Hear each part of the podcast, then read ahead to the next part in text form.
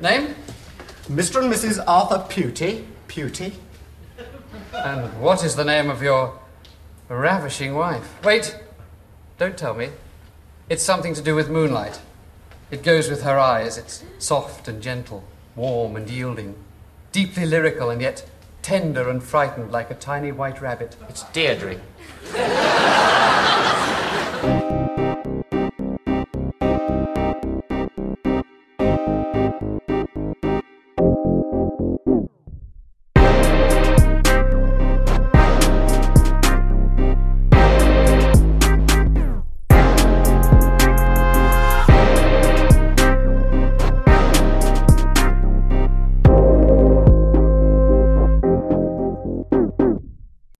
Velkommen til 15. episode af I Kassen Talks. Mit navn er David Bjerre, og det her det er jo som sædvanligt showet, hvor vi snakker om ting, der ikke er deciderede filmanmeldelser.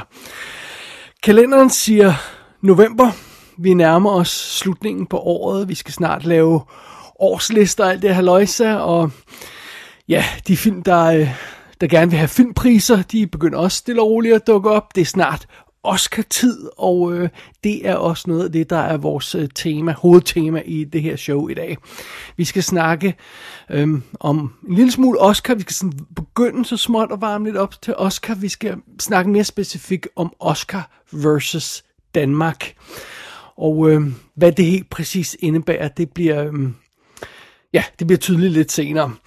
Og øh, ja, der, så er der ikke så meget andet på programmet. Øh, selvfølgelig de sædvanlige småtterier, de sædvanlige indledninger og, og, og, og andet ting og sager. Lidt snak om, øh, om, om, hvad der er sket i løbet af, ja, i den tid, der er gået siden forrige i Kassen Talks, og, øhm, øh, og lidt catch-up på film og serier, jeg har set og sådan noget. Men igen, ikke nogen decideret anmeldelse, bare sådan småtterisnak. Men... Øh, men øh, det skal nok alt sammen give mening om et øjeblik. Lad os, øh, lad os simpelthen bare kaste os ud i det, og, og det første vi gør, det er simpelthen at tage et view ud over nogle af de film, jeg har set siden sidst, og hvad der ellers er sket i løbet af, af de sidste par uger, øh, som, øh, som er relevant for det her program. Og øh, ja, der vil ikke andet at gøre end bare at, at starte fra en ende af.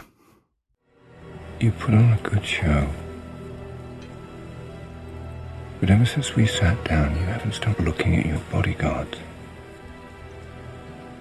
The three of them is a bit excessive. They're controlling you. They're not protecting you. Tattoo on your wrist is Macau sex trade. You belong to one of the houses. What were you, 12? 13? I'm guessing he was your way out. Perhaps you thought you were in love. That was a long time ago. You know nothing about it. I know when a woman is afraid and pretending not to be. How much do you know about fear? All there is. Not like this. Not like him. Forrige i kassen Talks fokuserede jo på ubåd. Og, øh, og det var altså meget fint, og jeg har ikke tænkt mig at have dårlig samvittighed, selvom der er nogen, der prøvede at få, øh, give, mig, øh, give det til mig, øh, over at jeg ikke øh, snakkede mere om der sport, fordi øh, ja, sådan er det. Men jeg har en lille smule dårlig samvittighed over, at jeg ikke fik nævnt en anden ubådsfilm, som jeg rent faktisk skide godt kan lide. Øh, den hedder Phantom fra 2013 med Ed Harris, og grunden til, at jeg ikke fik den med, det var simpelthen, den, den øh, røg ud i en øhm, redigeringsfejl, om jeg så må sige. Fordi øh, det gik pludselig op for mig, at jeg ikke havde anmeldt den i, i kassen, og derfor havde jeg tænkt mig, så, så jeg fik sat den på listen over og film, der skal anmeldes. Og øh, jeg husker den som øh, super cool og intens, og, og et gensyn vil bekræfte, om jeg har ret eller ej. Men øh, under omstændigheder, det var en film, der, skulle, der, der blev til at blive anmeldt ordentligt i showet, og derfor så glemte jeg den i skyndingen i, øh, i selve ubådsepisoden. Er vildt for dårligt. Men øh, ja, så, øh, så er det hængeparti lige ordnet. Sådan det. En anden ting, der er sket her på det sidste, det er jo selvfølgelig, at vi fik set James Bond filmen den 25 øh, James Bond-film, officiel James Bond-film, No Time to Die.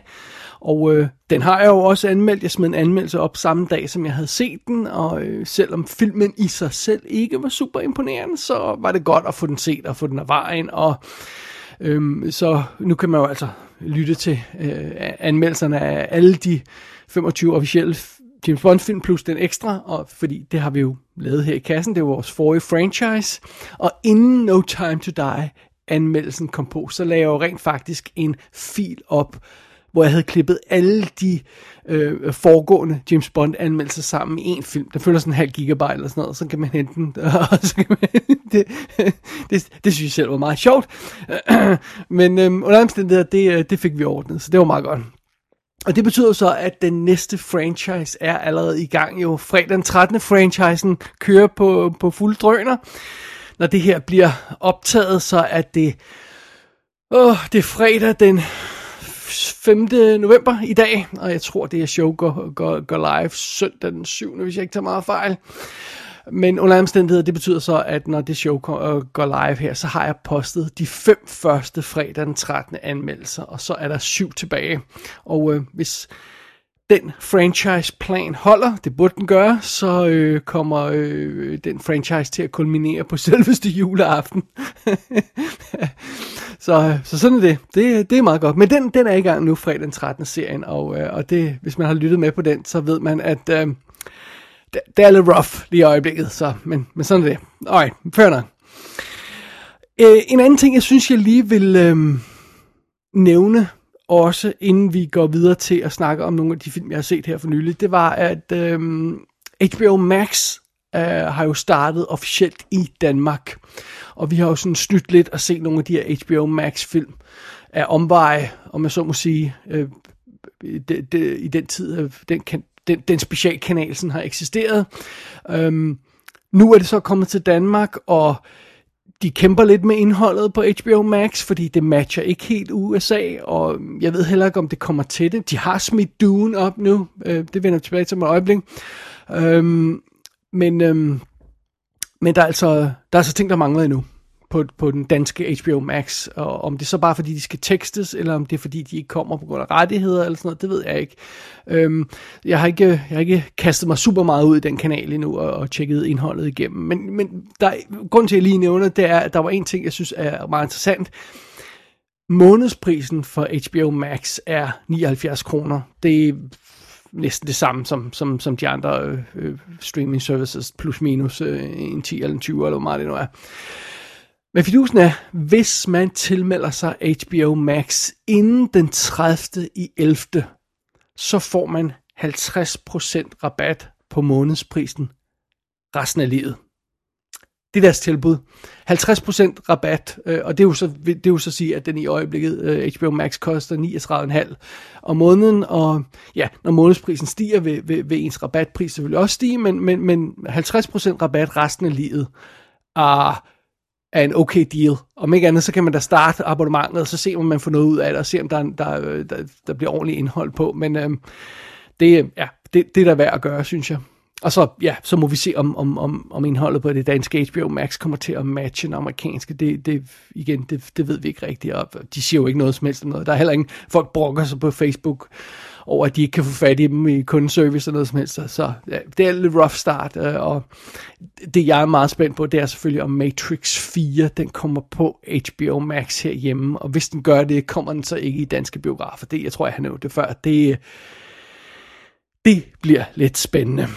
Men under omstændigheder, nu er det i gang. Om vi så helt kan bruge det på samme måde, om vi stadigvæk bliver til at snyde og se nogle af tingene på den amerikanske, det vil tiden vise, men øh, uh, vi, vi tager det fra en ende af. Simpelthen. Vi skal også lige give dem chancen for at komme i gang, for at være helt fair. Alrighty. Sådan er det. Lad os kaste os over nogle af de film, som jeg har set her i de foregående uger. All of our lives, we have fought this war. Tonight I believe we can end it. Tonight is not an accident. There are no accidents. We have not come here by chance.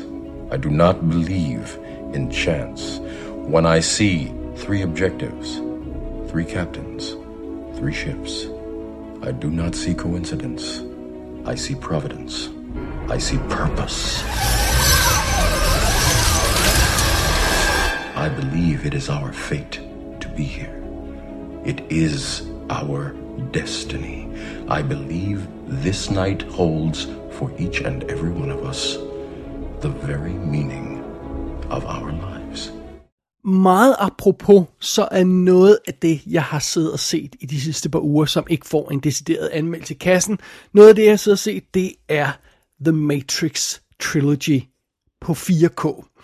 Øh, det er lidt tid siden, jeg købte 4K-boksen, men nu har jeg endelig fået sat mig øh, ned for at se de fire film i, i, i 4K. Jeg, jeg har det sådan lidt, når man, når man øh, kaster sig ud i en franchise af den her type, så kan jeg godt lide, at, at jeg ser en film om aftenen, og så ser dem relativt tæt på hinanden. Sådan etteren kan man se sådan for sig selv, men to og treeren skal man næsten se på to aftener, der ligger tæt på hinanden, og jeg gider ikke at sidde og se dem samme aften, så jeg vil gerne have sådan, at, det, at jeg har tid til at se de tre film i træk, og det havde jeg så tid til for nylig. Og øh, ja, vi ved jo alle sammen, etteren, Matrix 1 er en klassiker, og to og treeren har sine problemer. Jeg, øh, øh, det, her Dennis Rosenfeldt og jeg, vi har jo givet den en, en, en solid øh, gennemgang og anmeldelse i øh, WD's Definitive DVD podcast. Der kan man jo der høre den anmeldelse, den special med de tre Matrix-film.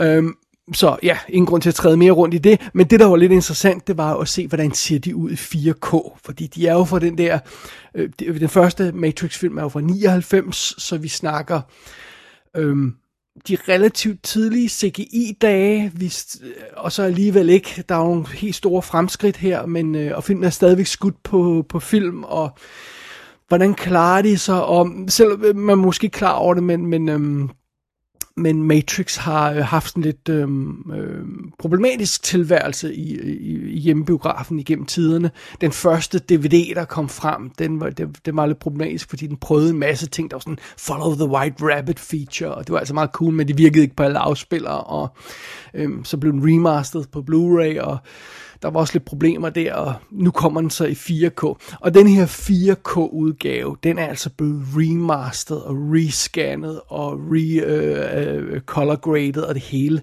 overvåget af fotografen Bill Pope. Han har simpelthen været inde over. Og noget af det, der fidus med Matrix, det er jo, den foregår igen i to verdener. Den foregår i den virkelige verden, og den foregår i Matrix-verden. Og de har en forskellig øh, farvekorrigering.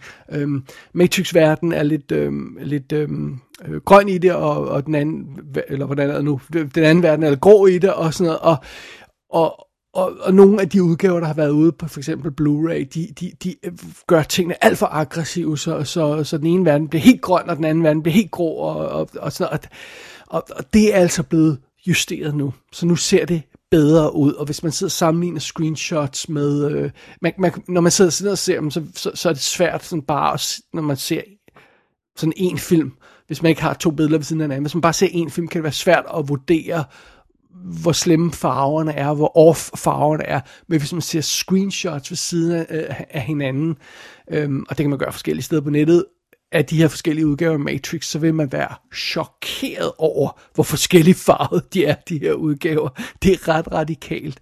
Og den udgave nu, der er her i 4K-boksen, som jeg har stående her ved siden af mig, nu rasler jeg med papir og det hele, men, men den er her fysisk, øhm, og ikke streaming-udgave, men ordentlig 4K øh, fysisk skive. Øh, og den udgave er altså flot. De har fået korrigeret farverne, og filmen er ikke kommet til at se digitale og alt for moderne ud. Der er godt filmgryn i dem. De har sådan en lækkert filmisk look. Øh, de, de kæmper lidt med det i nogle af CGI-scenerne. Der kan man godt mærke nogle gange, at, at, at det er lidt tidligt i øh, CGI, men, men det går alt sammen, fordi overordnet set, set så ser de bare lækre ud, de her øh, tre Matrix-film i 4K. Så det var, det var et super fedt gensyn, det må jeg indrømme. Igen, selvom filmen har sine problemer.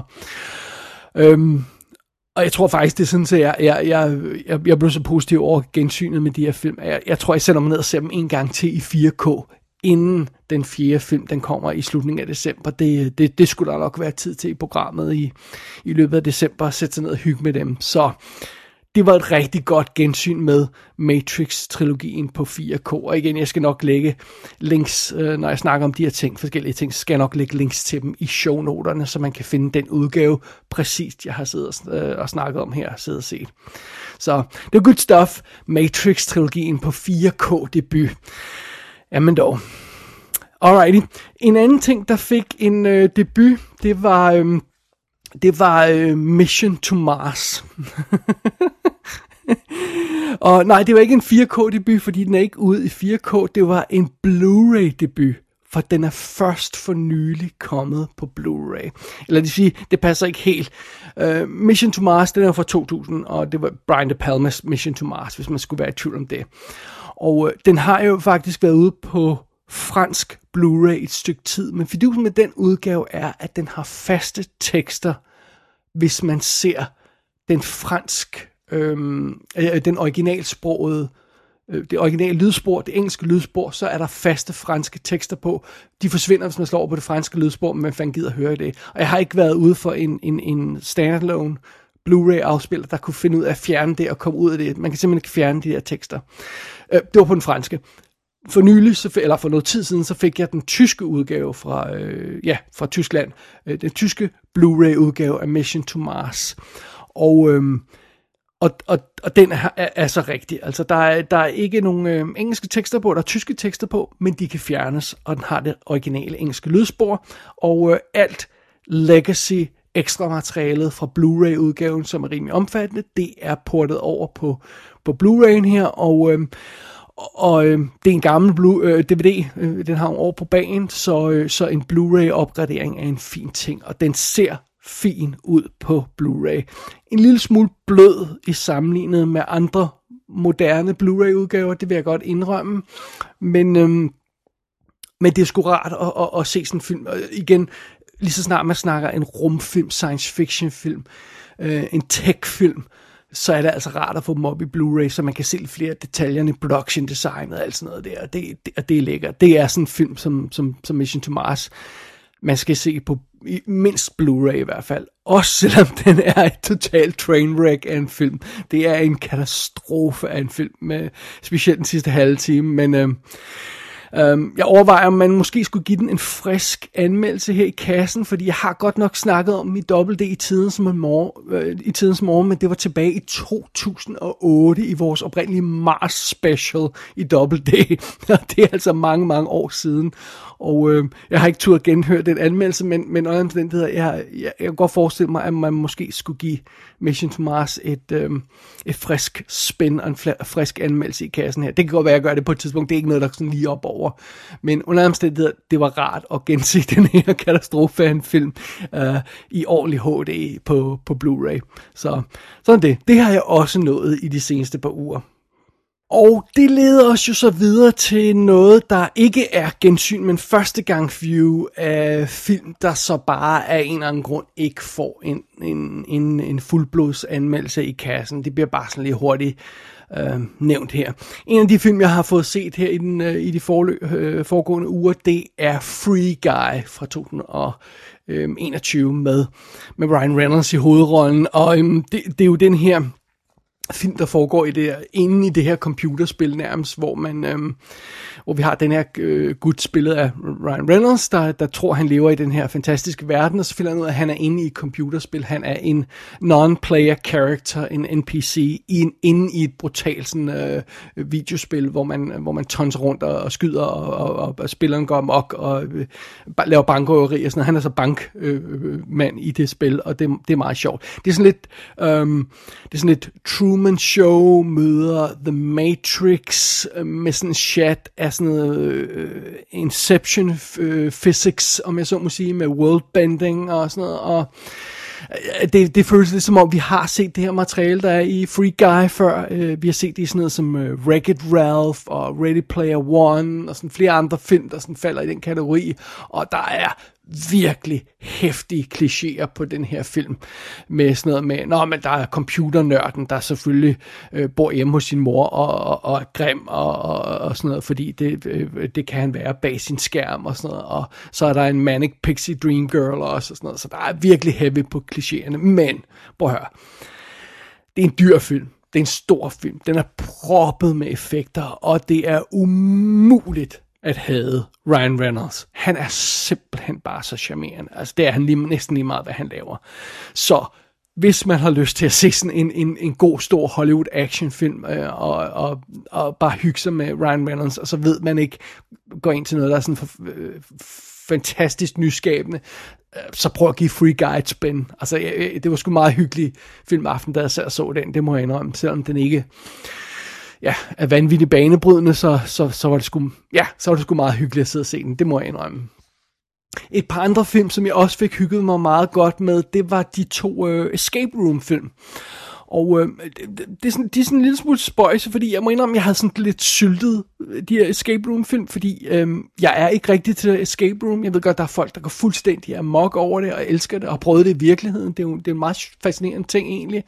Øh, men der kom jo Escape Room i 2019, og den kom, altså, der kom også en masse andre Escape Room-lignende ting, og der er også flere film, der hedder Escape Room. Det her, det er sådan den, den store Hollywood, om jeg så må sige, Escape Room-film fra 2019, og den fik jo så en øh, Øh, opfølger i år, Escape Room Tournament of Champions. Og jeg fik set begge film, og jeg må indrømme, etteren synes jeg specielt var sjov. Den, den, den kunne jeg skide godt lide. Der var god karakter ved det. Det var et meget sjovt koncept, det her med, at de, at de her deltagere, der bliver lukket til, øh, til at være med i sådan en escape room, halløjse, og så finder de ud af, at folk dør i virkeligheden, og det er meget alvorligt, og så skal de ud med øh, i, i levende liv, og, øh, og så toeren samler sig op på den tråd ved, at det bliver et endnu mere avanceret spil, og, øh, og der har været en masse andre escape room spil, og de folk, der har overlevet de spil, de kommer så med i det her spil i, øh, i toeren, og øh, toeren virker ikke lige så godt, fordi karakteren er en lille smule kedelig, men, øh, men, men vores hovedkarakter, som er med i begge de film, øh, et og toeren, er, er charmerende, så det går nok alt sammen. Men der, hvor det bliver virkelig interessant, synes jeg, det er, fordi der er en extended cut af Escape Room 2, øh, eller Tournament of Champions. Øh, det jeg sad og så var biografudgaven, fordi jeg tænkte, den skulle man lige se først, øhm, og, og den, den, var, den var igen, den var okay, det var ikke lige så god som etteren, men det var meget sjovt. Extended cut skulle være basically en anden film. Det er sådan noget med, den er vist nok kun 7 minutter længere, tror jeg det er, i regulær spilletid, men sådan noget retning af, at der er små 20 minutters nye optagelser i, og en helt ny start og en helt ny slutning. Øh, jeg skal lige have et, øh, et, et, et, et åndrum fra, øh, fra, fra, fra theatrical version, før jeg sætter mig ned uh, extended cut, men, men den glæder mig til at se. Det, det skulle være en helt ny oplevelse.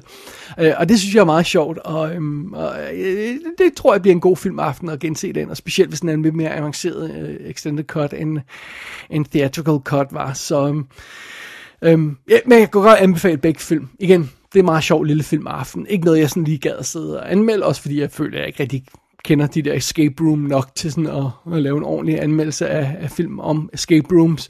Men, øhm, men det var meget sjovt at se filmen. Det var det sgu. Og jeg er lidt spændt på den her extended cut, fordi det lyder som en ekstrem extended cut. En completely different cut. Og øhm, det, øhm, ja, det er fascinerende. Men, men, men øh, når, når jeg får set den, så, øhm, så skal jeg nok øhm, lige øhm, snakke lidt om den. Men øh, den tid, den sår, eller hvad man siger. Alrighty. En anden øh, øh, ting, jeg, øh, jeg også fik set, som jeg også, hvor jeg igen føler, at jeg, jeg mangler sådan lidt for at kunne snakke ordentligt om den, det var øh, The Many Saints of Newark, som jo altså er øh, Sopranos øh, spillefilm, om jeg så må sige. Men det er jo altså forhistorien til Sopranos tv-serien. Og jeg har aldrig set Sopranos tv-serien. Det vil sige, jeg så et afsnit, og jeg synes, det var forfærdeligt. Og så kom jeg aldrig videre i den. men øhm, det, det er heller ikke en fantastisk film, uh, The Many Saints of Newark. Men, øhm, men, men ja, okay, fair nok. Den er, hvad den er. Jeg har lavet en anmeldelse af den på bloggen.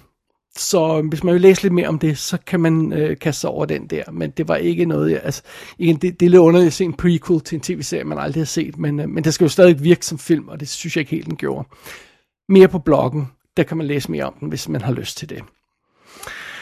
Alrighty, og øh, vi er ikke helt færdige med gensynene, fordi rent faktisk, som jeg nævnte lidt tidligere i forbindelse med HBO Max, så har jeg også fået genset Dune Part 1.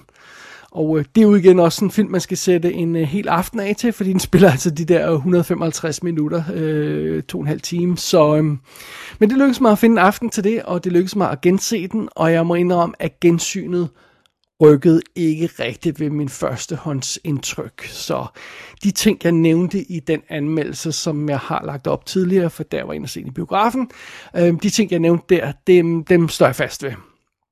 Øh, det, det er en halv film. Det er det bare. Det er en halv film. Og det, det, er jo så, det er jo så én ting, men hvis man for eksempel sammenligner med Matrix 2 og 3, som jo også hænger sammen, og princippet også er en halv film, øh, øh, Matrix 2 og, øh, og Matrix 3 hver for sig er en halv film af den samme historie. Øh, det er jo et spørgsmål, hvordan man slutter sådan en halv film, og hvordan man, øh, hvordan kulminerer, øh, man historien kulminerer i første del. Og øh, i Matrix 2, der har den jo en fantastisk finale, og det har Empire Strikes Back også, selvom princip, øh, den princippet går direkte videre i Return of the Jedi. Øh, men men øh, Dune, den første Dune part 1 her, den har ikke en særlig god finale. Filmen går simpelthen i stå i den sidste time, og så slutter den med en slåskamp på nogle klipper. Øh, og det er også det, der gør det specielt irriterende at se kun Dune Part 1, fordi det, det vil nok være okay, hvis, det, hvis man så ser det videre i Part 2, så vil det ikke være en katastrofe, men lige nu, der, der føles det bare mærkeligt at se den halve film. Det gør det altså bare. Så heldigvis har Dune Part 2 jo fået grønt lys i, i mellemtiden, mens vi anmeldte Part 1 og, og nu her, og, og det er altså meget fint. Det er lidt smule spøjs den måde, de annoncerede det på, fordi de, de, øhm, de kom ligesom ud og sagde, at Nå, men nu, nu laver vi toren alligevel, takket være etterens succes, og øh, så stort et hit har, har etteren egentlig ikke været endnu i hvert fald, så det er en lille smule, øh, det virker som lidt tidligt, at man sådan annoncerer øh, Dune Part 2. Øh, måske gør man det bare sådan for at promovere etteren, øh, måske var det helt kalkuleret, det kan godt være, men øh, fordi øh, efter siden så har øh, Dune Part 1 jo haft et budget på et production budget på 165 millioner dollars, og så skal man lægge reklamehaløjsaget oveni. Og den har indtjent 300 millioner dollars worldwide ved box office, og så skal vi så også overveje, om der er også nogen, der har set den på HBO Max i USA, og det tæller de også med, og det tager de også med i deres vurderinger. I øvrigt så er 3,7 af de der millioner dollars, det er de danske biografindtægter, det er meget sjovt. Men også det er jo ikke helt vildt imponerende tal, fordi hvis man siger, når man halvdelen af biografindtægterne går til studiet, så bare slag på tasken, øhm, så er de altså ikke i, øh, i øh, ude af de røde tal nu. Så, øhm, men måske vurderer de, at sammen med HBO Max øh, og, og sådan noget, så, så går det nok alt sammen, og så hjælper det måske også, hvis man stille og roligt sådan indikerer, at der kommer en toer til de folk, der overvejer, om de vil se etteren, og om de nu gider det, så, så, så er det måske okay at signalere, at ja, man laver en toer, så, så, så det er måske også en del af filosofien bag det. Øhm, og mest irriterende er jo, at øh, Dennis Villeneuve, han så kommer ud og begynder at snakke om træer, på, altså på, slap nu af, kammerat, lav lige den første bog færdig, før du fortsætter øh, Dune-bøgerne. Og jeg ved godt, der er flere Dune-bøger, jeg ved godt, at, at historien udvikler sig, og Dune øh, bog 1 måske ikke engang rigtig kan stå alene, øh, for, for virkelig at få sin pointe med, men alt andet lige, så har han stadigvæk kun lavet en halv bog. Så lav lige bog 1 færdig, og så bekymrer dig om bog, bog, øh, næste bog senere. men øh, men øh, ja, der kommer altså en, øh, en, en Dune Part 2. Og øh, ja, det er jo, det er jo alt lige en god ting. Det, det er godt, at den ikke får lov til at stå alene. Det er lidt dumt, de ikke lavede den back to back, øh, og, og så bare øh, øh, øh rullet med terningerne og, og tog en chance. Det, det burde de have gjort.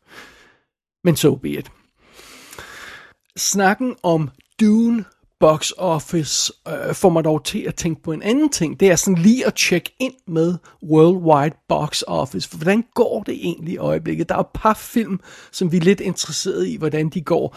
For eksempel James Bond-filmen og sådan noget. Det, øh, lad os lige tjekke ind med det. Alright, så jeg finder lige min øh, box office tal frem her for for 2021. Og det er øh, indtjeningerne øh, per øh, fredag den 5. november. Okay, jeg printede listen ud i går. Torsdag den 4. november 2021. Det er 2021's box office baseret på de tal på det tidspunkt, så det er altså uden den aktuelle weekend, vi er i øjeblikket. Og øh, hvis man kigger ud over box office, øh, worldwide box office, altså ja, for hele verden, samlet indtjening overalt, øhm, så er Fast and Furious nummer 9 stadigvæk på tredjepladsen, som jo altså kom ud i øh, tidligere. Og, øh, og, øh, og så er der øh, tre kinesiske film. En af dem har taget øh, 861 millioner dollars bare i Kina. Øh, og det er sådan en af deres øh, statsautoriserede øh, historie, lettere historie omskrivende film, så, så det, jeg ved ikke, hvor meget man skal lægge i det. Under omstændigheder, hvis vi ligesom kommer ud over det, de tre kinesiske film og Fast and Furious øh, nummer 9, så har vi på femtepladsen No Time to Die den har simpelthen indtjent 600 millioner dollars i skrivende stund. Ikke sådan vanvittigt imponerende tal i USA, men uh, worldwide, der går den ret godt. Og uh, den har så et stykke op til, til, um, til, til Skyfall og Spectre. Skyfall rundede øh, 1,1 milliard dollars. Uh, uh, Spectre var på er det, er det 8 eller 900, eller hvor meget var, to på verdensplan, øh, sådan deroppe i nærheden. Så der er, der er et stykke op til, men, men må ikke den nok skal nå det alt andet lige. Øhm, hvis vi kigger lidt længere ned i listen, så på øh, syvende pladsen worldwide i skrivende stund, samlet box office øh, indtjening, der finder vi øhm, øh, uh, Shang-Chi and the Legend of the Ten Rings med 417 millioner dollars. Og igen, næsten alle de her film har kostet et eller andet sted mellem 150 og 250 millioner dollars. Det har No Time to Die i hvert fald kostet sidstnævnte. Plus den har tre, øh, to fejl, fejlslagende PR-kampagner øh, oven i PR-budgettet, som, fordi den blev rykket. Øh, og Shang-Chi, øh, den har jo så også haft premiere på Disney Plus og alt det her og sådan noget. Så og nærmest det der øh, 417 millioner dollars er ikke vanvittigt imponerende for en, en, en, øh, en Marvel-film, og, øh, og, og den, øh, ja, men det, det, er jo en, det er jo helt box office, der er påvirket af corona, og VOD, streaming, haløjsa, alt det her crap og sådan noget, men, øh, men okay, fair nok. Øh, derudover så har vi på 8. pladsen, der har vi øh, Venom, Let There Be Carnage, som stadigvæk kører der ud af, den er lige under 400 millioner dollars. Under den har vi Black Widow, under den har vi Free Guy, og under den har vi Dune på en 11. plads med lige knap 300 millioner dollars uh, worldwide, som jeg, som jeg nævnte tidligere. Uh, så det, det er sådan status på de her film, vi sådan har, øh, har holdt øje med i øjeblikket, og, um, og det er jo det er sådan, øh, det er sådan okay. Øh, ikke så katastrofalt, som man kunne frygte, men ikke så godt, som man kunne håbe på heller. Så, så vi er sådan lige i mellemperioden. Hvis man ser nogen ned, ned over øh, øh, listen og kigger på nogle af de andre film, som for eksempel Suicide Squad, Space Jam, nogle af de her, der sådan virkelig er blevet påvirket, øh, fordi de er gået til streaming også, øh, de ligger altså nede på, øh, på sådan noget som... Øh, øh, Suicide Squad, at det er 167 millioner dollars worldwide, og det er en 150 millioner dollar film. Altså, det, så det, det, det hænger jo ikke sammen, de tal, og det gør det heller ikke for Space Jam, og, og Halloween Kills, som godt nok ikke har været lige så dyr, den, er, den er altså kun på, på 116 millioner dollars worldwide, så øh, øh, ja, det er sådan lidt, vi er stadigvæk lidt i en venteperiode for at se, hvor, helt, hvor katastrofal øh, corona damage bliver for box office, og hvor meget det kommer til at påvirke fremover og sådan noget, og de er allerede begyndt at lave de her trailer og de her plakater til kommende film, hvor der står Only in Theaters på, med lidt ekstra store bogstaver, end der plejer, fordi at, øh, at, at de skal understrege, at vi, vi skal altså tilbage til normalen, for vi, så vi kan hive de her penge ind, så vi kan, vi kan lave de her 150-200 millioner dollar film. Så det er noget, vi holder et øje med selvfølgelig. Øh, vi ved ikke, hvordan øh, James Bond ender med box office i øjeblikket, men øh, den ser okay ud, men der er mange af de andre, der ikke ser helt så okay ud. Der er stadigvæk kaos, og lad os heller ikke glemme at sådan noget som, at at øh, Vatpik-brigaden her i øh, øh, nordisk film her, her i Danmark, de stadigvæk nægter at sætte Disney-film op øh, på grund af streaming service. Så, øh, så det, det, det, det er jo sådan noget også, der, altså det påvirker bare også her i Danmark, at The Eternals for eksempel ikke kommer op i nordisk films biografer. Det er jo vanvittigt. Altså de, de skyder jo sig selv i, i, øh, i fødderne op til flere gange, så... Men sådan er det. Ja, alright, fair enough. Det var bare lige hurtigt check-in med box office, og øh, det betyder, at vi er færdige med de indledende øh, bemærkninger. Jeg smider alle papirerne væk, og øh, så skal vi over til øh, dagens hovedemne, og det er jo altså Oscar og Danmark. Vi, øh, vi tager lidt lydklip, og så kaster vi os over det. By the grace of Shaddam IV of House Corino, ascendant to the golden lion throne of Padisha, Emperor of the known universe, I stand before you as herald of the change. We're witnessed by members of the Imperial Court, representatives of the Spacing Guild, and a sister of the Bene Gesserit. The Emperor has spoken. House Atreides shall immediately take control of Arrakis and serve as its steward. Do you accept?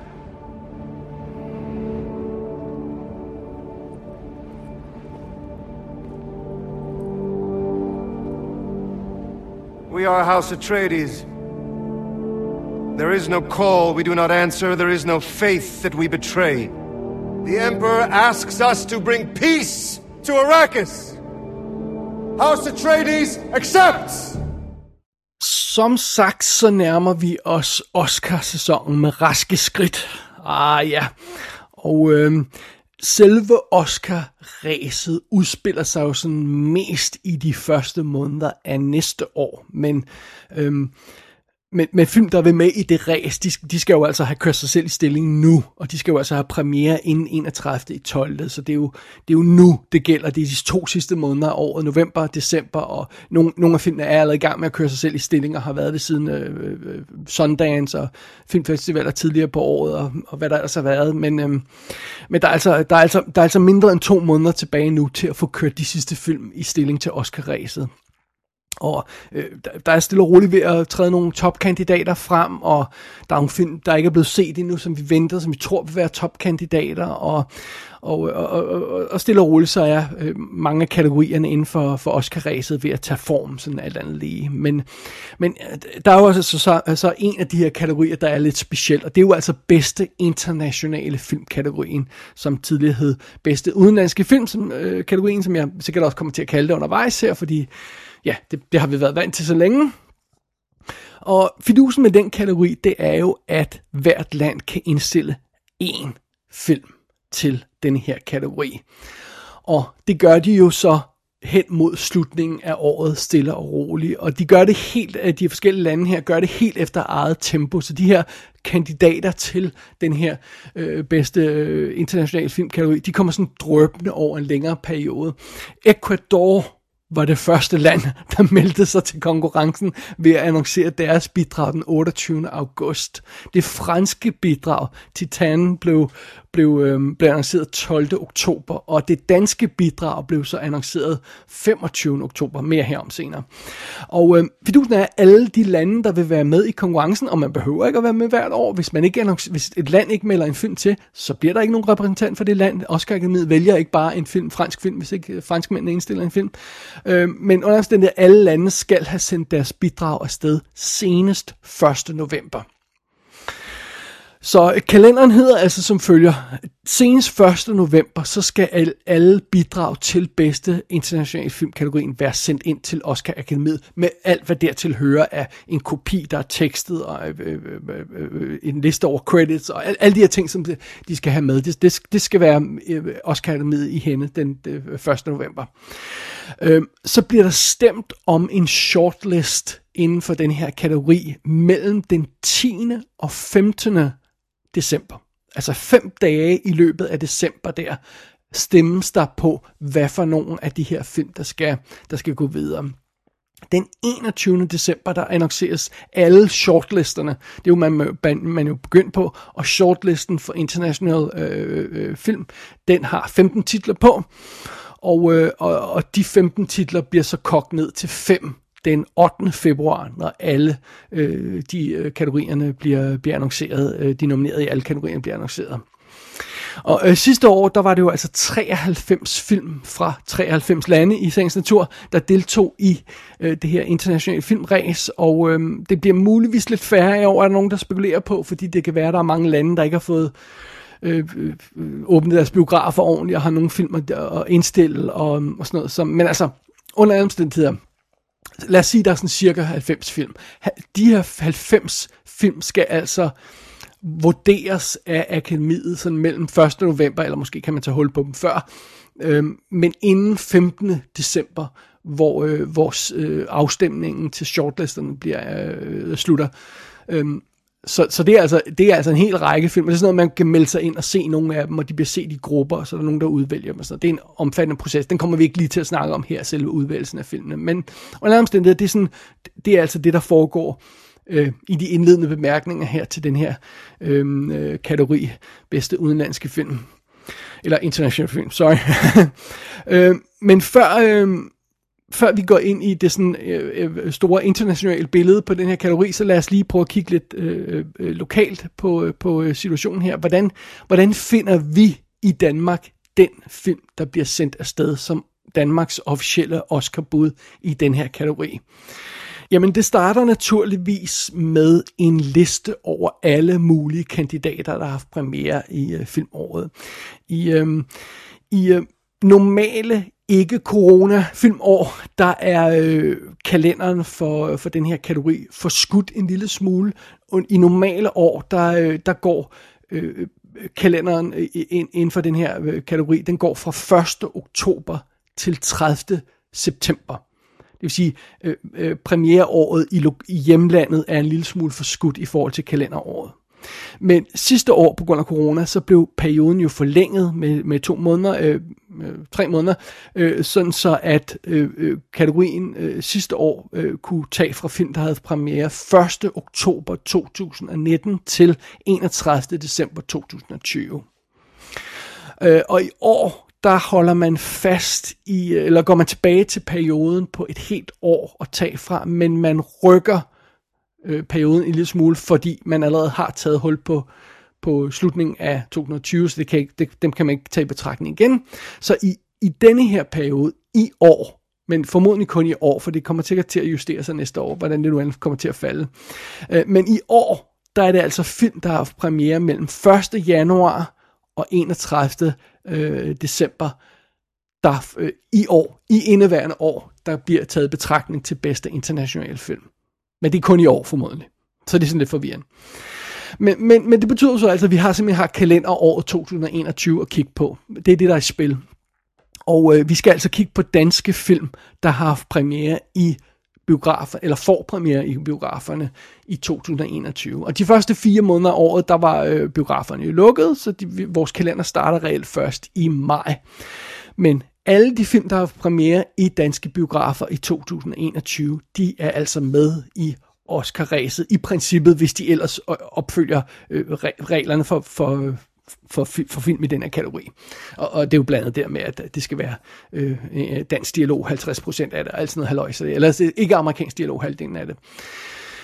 Men omstændighed, hvis jeg sådan kigger ned over listen på de ting, der har haft premiere, og de ting, der er sat til at premiere, så får jeg noget, en liste, der, der, der øh, omfatter sådan cirka 20 film hvis jeg ikke tager meget fejl. Det starter med Skål og Marco-effekten, der havde premiere i maj, og slutter med sådan noget som øh, Krummerne, det er svært at være 11 år, og Hvidstensprutten 2, som har premiere den 25. i 12.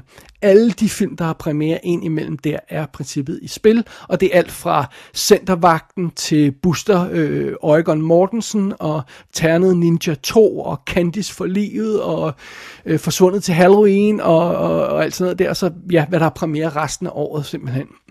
så det er det. Og øh, ja, ja, det kan godt være, at der er nogle af de her film, der bliver diskvalificeret af nogle årsager, som jeg ikke lige kan overskue på, øh, på, på, på nuværende tidspunkt. Men umiddelbart så er det i hvert fald sådan listen, eller lige de her 20 film. Og øh, som jeg tror, jeg nævnte i forrige show, kan jeg ikke huske, om jeg gjorde, så er der altså blevet udvalgt, eller så blev der udvalgt tre film til semifinalen. Det gør man altid. Man udvælger tre film, øh, øh, som kan være Danmarks kandidater til, øh, til, til, årets, øh, til, til, øh, årets bud på, øh, sådan i den her kategori. Og øh, i år så var det jo altså de tre film, der blev udvalgt. Det var jo altså Margrethe den Første, som jo altså er stor historisk drama. Så var det Skyggen i mit øje, som altså er Ole Borndags øh, 2. verdenskrigsfilm, Bumpning af den franske skole. Og så var det Flugt, som jo altså er en tegnet dokumentar. Og øh, det endelige valg, den endelige kandidat, til, øh, det, den endelige, det endelige bud på en dansk Oscar i år, det, øh, det blev altså valgt nogle øh, lidt senere, der gik en måneds tid, og så øh, fandt man en af ud af de her tre film, og det endte så med at være Flugt. Så Danmark sender altså en tegnet dokumentar afsted til bedste international film Oscar-kategorien i år. Og øh, det åbner op for nogle meget interessante muligheder. Dem vender vi tilbage til lige om et ganske kort øjeblik. Men lad os først lige kigge på, hvem er det så, der udvalgte den her film blandt de 20? Jamen, i de officielle Oscar-regler, så står der følgende. Each country shall be invited to submit its best film to the Academy.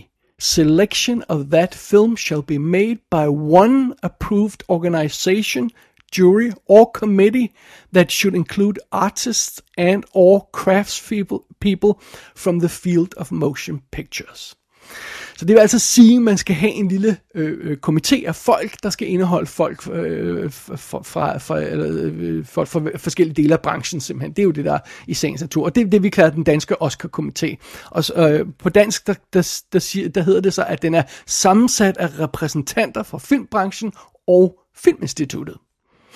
Og i år, så hvad jeg kan sådan for, øh, vurdere, så, øh, så består denne her øh, komité altså af øh, otte medlemmer. Øh, formanden Claus Ladegaard er fra det Danske Filminstitut. Så er der Jakob Jarik fra øh, Producentforeningen, Thea Lindenburg, Lindeburg fra de danske filminstruktører, Mette Heno fra Danske Dramatikere, Jan Weinicke fra Dansk Filmfotograf Forbund, Nana Frank Rasmussen fra Danske Filmkritikere, Søren Søndergaard fra Danske Biografer og Marianne Moritzen, fra Films, øh, som er Filminstituttets afdelingsleder for fiktion. Og det er så den gruppe på otte folk, der udvælger Danmarks bud på, øh, på en Oscar i den her kategori. Så når vi siger, at Danmark har valgt vores, vores film øh, til, til årets Oscars-ræs, øh, så er det altså en sandhed med modifikationer, for det er en lille gruppe folk, der har gjort det. Øh, det, er, det er ikke hele Danmark, der står bag det her valg. og, øh, og, og de kan åbenbart ikke lide Ole Borndal, fordi øh, jeg synes egentlig, det havde været et godt bud at sende den film afsted. Men når det er sagt, så har vi jo rent faktisk en... Øh, en ret god track record i, øh, for Danmark i den her kategori. Vi gør det overraskende godt for sådan et lille land, som vi er. Og øh, lad os lige se på, hvor godt Danmark egentlig klarer sig i bedste internationale filmkategorien. Uh, good morning. I've, I've been in touch with you about the uh, life insurance. Ah yes, uh, did you did you bring the mm, specimen of, of your mm, so on and so on? Uh, yes, I did. Uh, it's in the car. Good. There's rather a lot. good, good. Do you really need 12 gallons? Det er jo sådan, at vi øh, her i Danmark, her i lille Danmark, har vundet den her kategori bedste international film, eller tidligere bedste udenlandsk film. Vi har vundet den her kategori fire gange.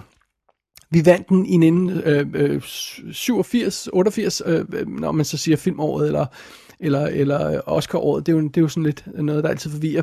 Men vi, valgte, øh, vi, vi, vi vandt det med Babettes gæstebud i hvert fald. var den første gang, vi vandt, som er fra 1987. Pelle Robert er faktisk også fra 1987. Det var den næste film, der vandt året efter. Så vandt vi med Hævnen, i to, som er fra 2010, og så vandt Druk, som er fra 2020. Plus, Druk fik jo altså en bedste instruktørnominering. Første og eneste gang, det er, det er sket for Danmark indtil videre. Derudover har vi altså været nomineret, Danmark har været nomineret i denne kategori yderligere ni gange. Blandt andet med Harry og Kammertjeneren i øh, 1961, hvis man ikke var klar over det. Så øhm, fidusen er, når det gælder antallet af vundne priser, altså hvor mange, øh, hvor, mange pri, øh, øh, øh hvor mange gange et land har vundet den her kategori, så er vi faktisk på en delt tredje plads med øh, Spanien og Japan. Det, de eneste lande, der har overgået os i wins, det er altså øh, Italien med 14 og Frankrig med 12. Øh, og der, vi snakker altså kun øh, den her øh, bedste internationale filmkategori, og vi snakker kun wins, fordi hvis man snakker nomineringer, så er der nogle lande, der har været nomineret adskillige gange gangen, også blandt andet Sverige, sådan så at hvis de vinder en pris til, så overhaler de os på listen, fordi så har de flere nomineringer end os, men det er noget helt andet. Øh, vi snakker altså, øh, at, at, at vi, lille Danmark, er på en delt tredjeplads over hele verden af alle lande, der har vundet den her kategori alt andet lige, hvad man så end mener om dansk film, så er det sgu rimelig godt gået. Det må, det må, det må man indrømme. Og derudover så har Danmark selvfølgelig også leget med i, i kortfilmkategorien adskillige gange, og, og øh, lidt i andre kategorier, men, men, men det, nu, nu er det så specifikt den her kategori, vi fokuserer på.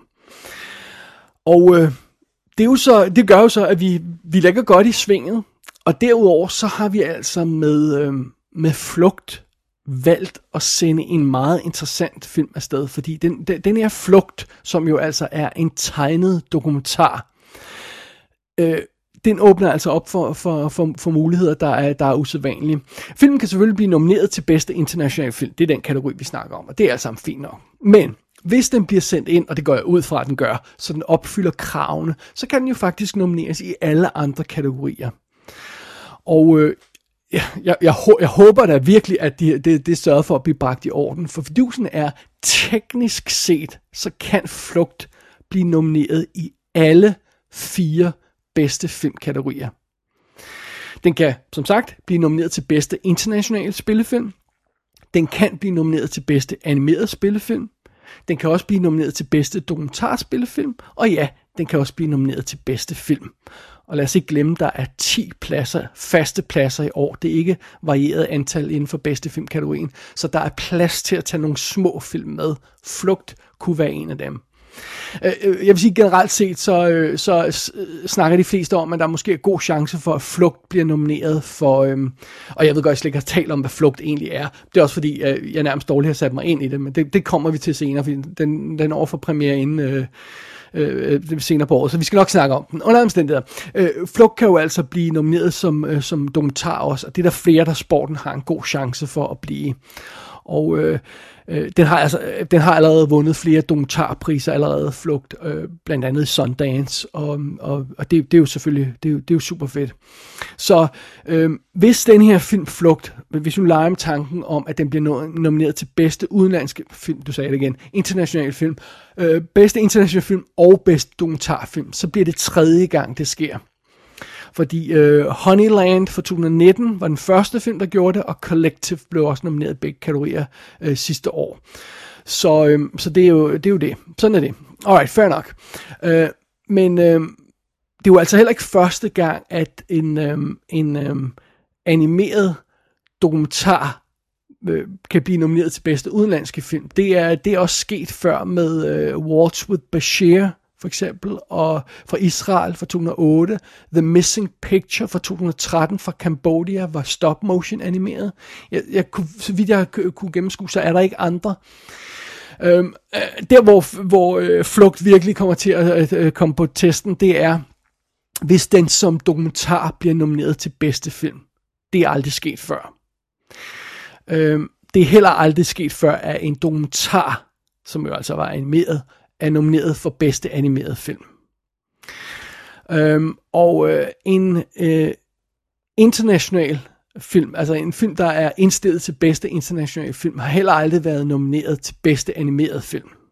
Så hvis, hvis, hvis Flux skal, skal, skal, nu bliver nomineret i flere kategorier, så kommer den nærmest uundgåeligt til at bryde en eller anden form for, øh, for, øh, øh, for, for rekord, eller øh, sådan noget. Så, så, så det er jo meget sjovt. Altså, det eneste sted, der er, der er animeret film, der har vi nomineret som bedste film før. Øh, Toy Story 3, Up og Beauty and the Beast har været nomineret til bedste film. Så det, det, øh, det vil ikke være nyt, men, men alle de andre øh, ting, jeg lige nævnte her, det var, der var altså ting, der ikke er sket før, som Flugt kunne være den første film, der gjorde. Øhm, det synes jeg bliver meget interessant at se. Det bliver super interessant at se, hvad, øhm, hvad, hvad der kommer til at ske med, med, med den her usædvanlige film, vi sender afsted til, til Oscar-ræset. Øh, den kommer jo altså på hjemmevideo i Danmark i øh, december, hvis alt går vel. Hvis man ikke har nået at fange flugt i biffen, så kommer den til på DVD i øh, jeg tror, første halvdel af december, øh, og til, øh, til, til streaming også, hvor den kommer i, i HD, så den kommer ikke ud på Blu-ray. Så jeg, jeg tror, vi kommer til at fange den her i kassen, og om vi kommer til at give den en fuldblods anmeldelse, det ved jeg ikke endnu, men, øh, men under omstændigheder, så skal vi nok få den set, inden shortlisterne bliver annonceret den 21. december. Det er jo så der, vi ved om flugt reelt øh, går videre i ræset, eller den bliver dumpet nu. Jeg tror, den har ret gode chancer for at øh, komme videre i ræset. Det, det, det ligger ligesom korten i øjeblikket. Og øh, hvis vi har den, øh, at den er at finde også i dokumentarræset, så, så, så begynder det altså at blive rigtig interessant. Det, øh, men det ved vi alt sammen noget mere om, om, øh, om øh, lille halvanden måneds tid. Så øhm, det bliver meget spændende.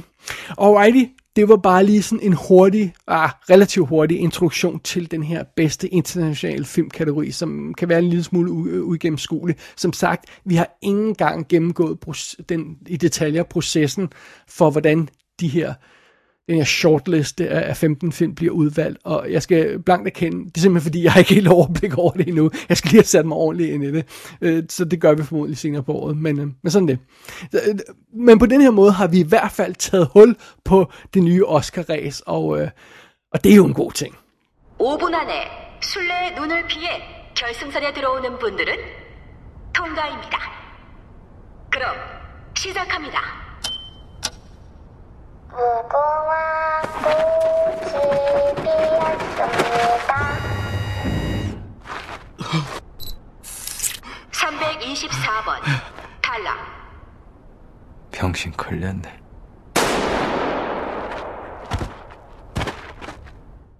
Ja, så var der lige en masse Oscarsnak der, og en masse filmsnak. Øh, Det betyder, at vi øh, egentlig kun mangler en lille ting i programmet. Vi mangler noget tv-seriesnak. Fordi det skal jo også lige med, fordi jeg har naturligvis set en masse tv-serier her på det sidste, og, øh, og nu skal vi snakke om nogle af dem. Uh, en af de ting, jeg har set, og øh, ligesom øh, 60 øh, milliarder andre mennesker, det er øh, Squid Game på Netflix. Den her sydkoreanske Netflix-serie, som spiller ni, øh, ni episoder, og den er jo blevet et helt internationalt fænomen. Ideen er jo det her med, at der er en masse folk, der, der, der er fattige, der gerne vil score en stor gevinst, der bliver inviteret til den her mærkelige konkurrence, øh, hvor de skal, skal spille sådan nogle børneleje og sådan noget, og, øh, og, og så kan de vinde en, en, en kæmpe øh, præmie, men, men hvad de hurtigt opdager er, at hvis de ikke vinder øh, de her øh, spil øh, undervejs, så bliver de slået ihjel. Så, så det, det er simpelthen et overlevelsesspil med, øh, om, om den her kæmpe præmie, og, og, og det, det er jo så det. Og jeg, jeg kan godt fornemme på folk, der er, nogle, der er nogle folk, der formodentlig aldrig nogensinde har set noget koreansk eller japansk før, der er vildt imponeret og vildt puzzled over, hvad det her er.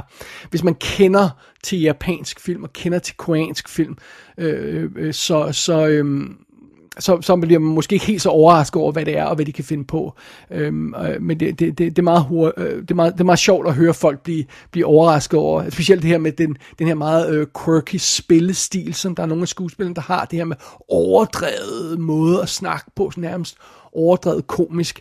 Jeg tror måske ikke, det er gået op for folk, at, at, øh, at, øh, at folk i Korea formodentlig sidder og ser det, øh, tænker det samme, når de ser Chris Rock, eller Chris Tucker, var det faktisk, jeg mener, som jeg altid byder om. Hvis de ser Chris Tucker spille i en film, så tænker de nok også, ja, okay, slap dog af, menneske. Men det, det er bare en stil, det er jo bare sådan, man gør i, i, i Sydkorea, og ja, øh, det, øh, øh, øh, specielt sydkoreanere er slemme til at have, have den her overdrevet spillestil. Det har, det er der også nogle af karaktererne i Squid Game, der har. Men øhm, øh, overordnet set, bare lige for at give øh, serien lige en, et hurtigt øh, overview, altså øh, tempoet er lidt varierende i de her episoder, de her ni episoder. Den starter lidt langsomt, øh, Squid Game, afsnit 1 og 2 kunne i princippet klippes ned til en, en episode. Og jeg synes også, øh, finalen, øh, sidste episode, løber en lille smule ud i sandet. Men øh, øh, jeg må indrømme, der gik lidt tid i den her ni episoder lange sæson, som der er nu. Der gik lidt tid, før det gav mening for mig, at man havde lavet det som en serie, og ikke en spillefilm. Men når man så begynder at komme ind i uh, rytmen på serien og finde ud af, hvad det er, de vil, uh, altså de, de, de, nogle af de her børnespil, uh, som der skal spilles, uh, virker jo fuldstændig latterlige, og så trækker de ud i en hel episode, men så bliver der stille og roligt opbygget nogle virkelig intense momenter, når det går op for de her folk, at de skal spille de her åndssvage lallede spil for deres liv.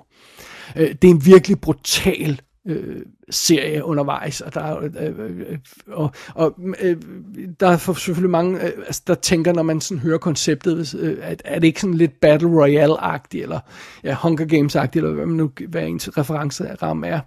Øh, og det er det jo sådan lidt på et eller andet plan, fordi det er også et dødbringende spil, som, som man skal spille for at for, for, for, for ellers så ja, går det galt. Øh, men det er ligesom om, når, når man kommer lidt ind i Squid Game, så går det op for en, hvor meget mere der er bygget ind i den her serie med hensyn til sådan social status og øh, finansiel status og, og, og, og ære og respekt omkring ens medmennesker og deres øh, position i samfundet og sådan noget. Der, der kommer helt vildt mange interessante ting i den retning ind i serien.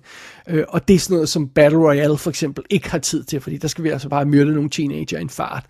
Så jeg vil sige, Squid Game på Netflix er er bestemt værd at tjekke ud, men øh, øh, hvis, man, hvis man er velkendt inden for, for, for asiatiske film, specielt japanske og sydkoreanske film og sådan noget, så skal man måske øh, så, så skal man måske, øh, øh, altså så er det måske ikke helt så imponerende, som, som det er for mange andre mennesker, der kommer helt frisk ind til det her, aldrig har set noget lignende før, men, men stadig, det er en cool serie, og, øh, og det kunne være interessant at se, hvad, hvad, om de fortsætter den på et eller andet tidspunkt, men øh, det er der vist snak om, men øh, det må vi se. Det, det er jo vist nok, hvis jeg ikke har, jeg, nu har jeg ikke slået tallene op, men det skulle være en af de største succeser Netflix overhovedet har haft. Så øh, det, det er sgu meget imponerende. Men øh, tjek den ud. Squid Game, den er på Netflix i øjeblikket, og der bliver den formodentlig. Så sådan det. What are you hiding under there? I covered it for a reason. It's his radio so he can contact his people, but it's broken, so he's trying to fix it. Why can't you just go home on your spaceship? They took it, didn't they? How did you know that? Must be the government. That means they're after you. It could be any of the agencies, but it's probably Men in Black. It's a top secret agency that monitors alien activity on Earth. But they don't always wear black, and they're not only men. Then why do they call them men in black? Because it's cooler than calling them people in clothes.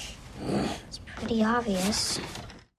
Det bringer os videre til en anden serie, som jeg har fat i, der hedder Resident Alien. Den øh, har sendt sin første sæson i tidligere på året, og den er allerede godkendt til anden sæson, der skulle komme næste år. Og det går simpelthen ud på, at vi følger en, øh, en alien, et, øh, et, et fremmed øh, rumvæsen, spillet af Alan Tudyk fra, fra ja, Firefly og øh, Rogue One og hvad man ellers har set ham i.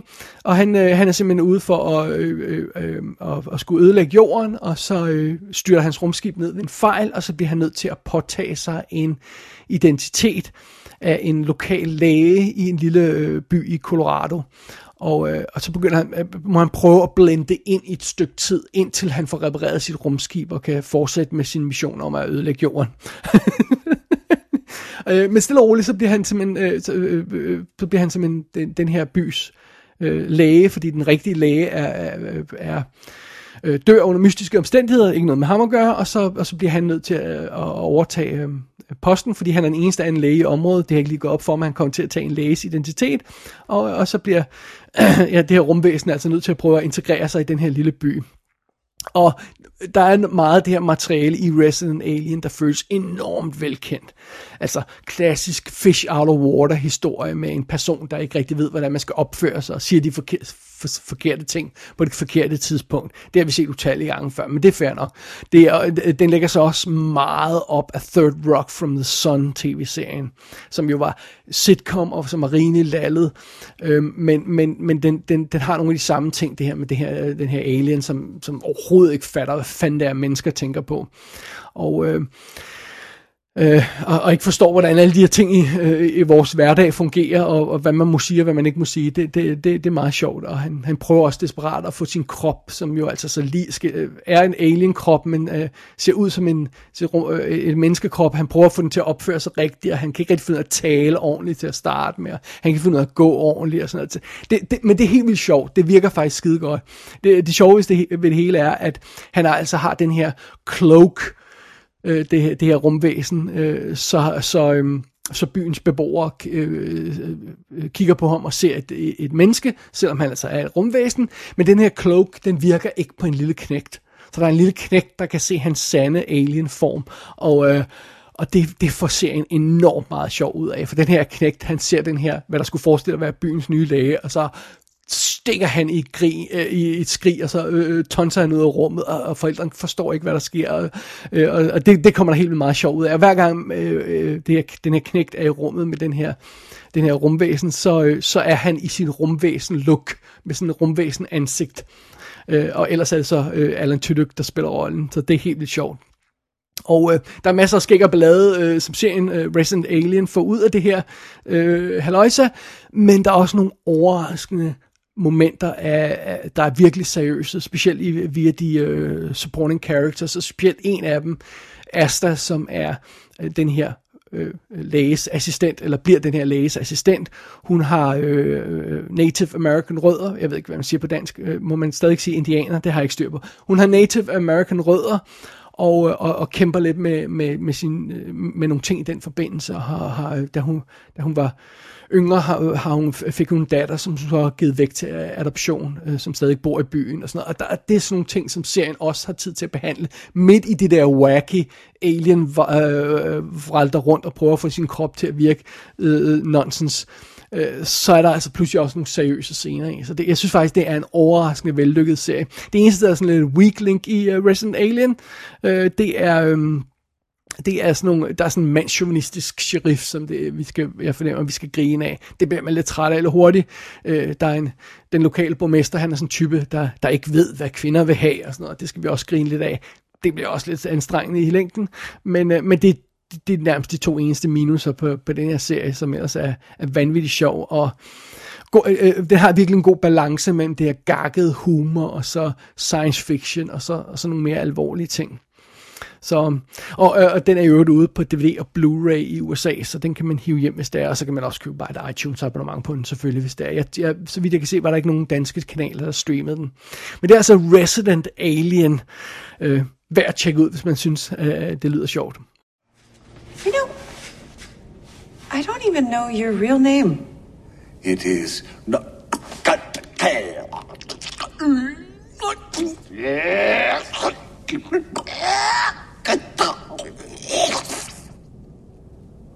My friends call me.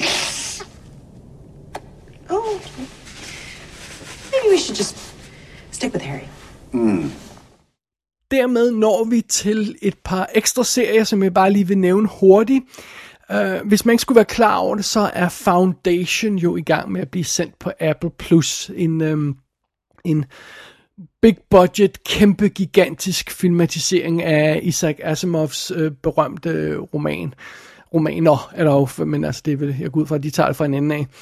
Øh, og der er når det her show bliver sendt, så har jeg set 8 af de 10 episoder, og det eneste jeg kan sige om det, det er, hvis man ikke er gået i gang med Foundation endnu og har lyst til at se den, så vent for alt i verden til alle 10 episoder er klar. For det er ulideligt at vente en uge mellem hver episode. Jeg skulle aldrig nogensinde være gået i gang. Fordi det er simpelthen så...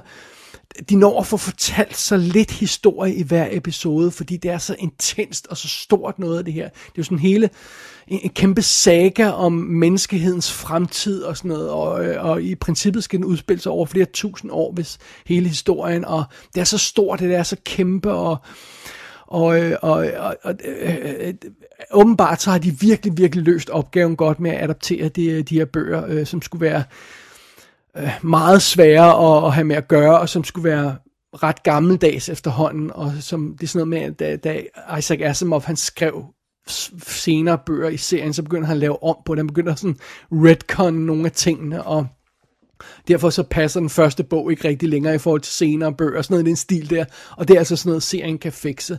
Så Foundation er virkelig stort, vigtigt, tungt, men altså ikke for øh, tungt på den måde, uh, science fiction, virkelig, virkelig godt.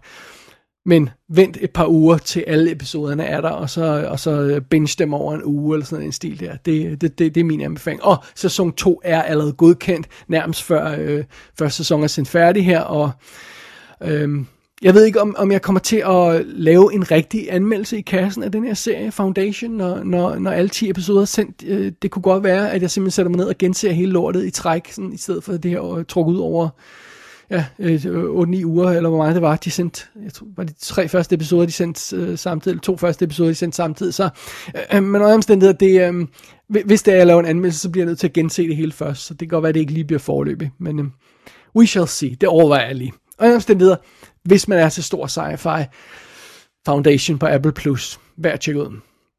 Og øh, en anden ting, der også er værd at tjekke ud, hvis man er til sci-fi, det er øh, den kommende serie, går jeg ud fra i hvert fald, den ser rigtig fed ud.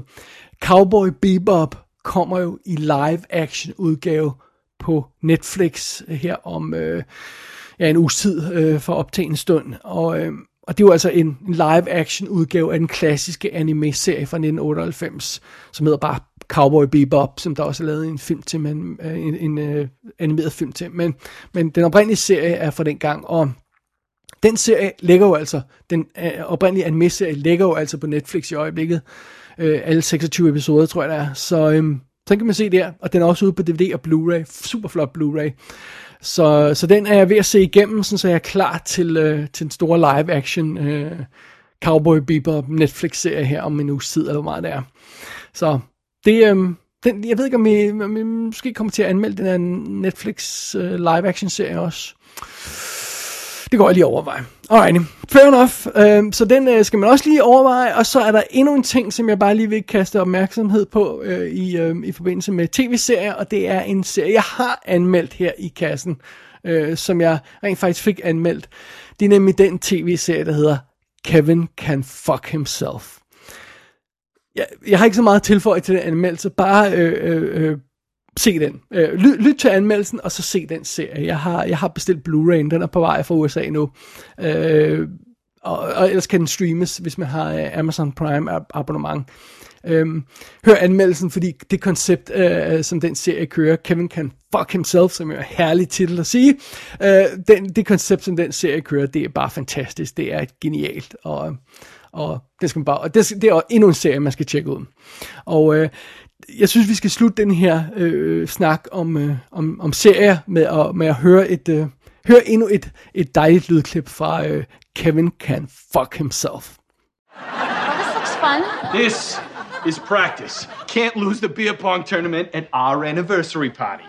Okay, yes, well, about the party, I've been thinking. Oh, that, no! That maybe, instead of a rager, we could celebrate our 10th anniversary with something more adult. Like, like a threesome? Um, no. No, like maybe a, a grown up dinner together. I mean, we are 35. Yeah, but you're a lady 35 and I'm boy 35. What's the difference? Well, I'm just hitting my prime and you. Ah, uh, two. Very quick. I think she bought it. Jamen, øh, det betyder jo sådan set, at øh, i kassen Talks er færdig. Der er ikke mere at snakke om. Jeg er på øh, sidste side af mit, øh, mit omfattende program her, som jeg, som jeg er med. Øh, jeg ved ikke rigtig, hvornår næste i kassen Talks kommer. Altså, vi, vi, vi skal jo så lave et show i forbindelse med annonceringen af shortlisten den 21. 12. Og, og det er jo en lidt travl tid, øh, vi går i møde nu her, specielt hvis man arbejder i retail. Så, øh, så øh, øh, ja, jeg ved ikke, om jeg når at lave en i kassen Talks om et eller andet halvøjse inden den 21. 12. Men, øh, men der kommer i hvert fald show der, så meget kan jeg sige. Øh, hvis, hvis, hvis der er tid til at lave noget inden, så, så laver jeg noget inden. Og, og ellers så er der, i, i mellemtiden er, er der altså masser af ting at glæde sig til. Øh, Citizen Kane kommer på 4K skive snart. For første gang får den sin, sin 4K debut. Også en, øh, en boks, der allerede er bestilt for USA. Uh, øh, som sagt, Cowboy Bebop starter den 19. i 11 på Netflix. Jeg tror, der er 8, 8 eller 10 episoder i første sæson. Og øh, ja, så er der også det her med, at øh, hver fredag øh, bringer en ny fredag den 13. anmeldelse. Det er jo også noget, man kan glæde sig til. Altså, jamen, altså der er jo masser at kaste sig over. Så øh, masser af guf. Under omstændigheder, husk nu at gå ind på ikassenshow.dk for at tjekke show notes til denne her episode af Ikassen Talks. Der er masser af billeder for de forskellige ting. Hvis man lige vil tjekke det ud, nogle af de her serier, jeg har nævnt, så, så skal jeg nok lige lægge et par, par velvalgte billeder op. Øh, der er en liste over de lydklip, jeg har spillet undervejs, og ja, som altid, så er der jo altså en kontaktformular ind på det website, så man kan sende en besked til mig, hvis man har øh, ros, øh, ris eller forslag til showet. Så, så det er det. Jeg tror simpelthen, det var alt for den her omgang. Mit navn er David Bjerre. Du har lyttet til I Kassen Talks, og jeg har kun én ting tilbage at sige. The universe itself keeps on expanding and expanding in all of the directions it can whiz. As fast as it can go, at the speed of light, you know. 12 million miles a minute, and that's the fastest speed there is. So remember when you're feeling very small and insecure, how amazingly unlikely is your birth. And pray that there's intelligent life somewhere up in space, cause there's bugger all down here on Earth.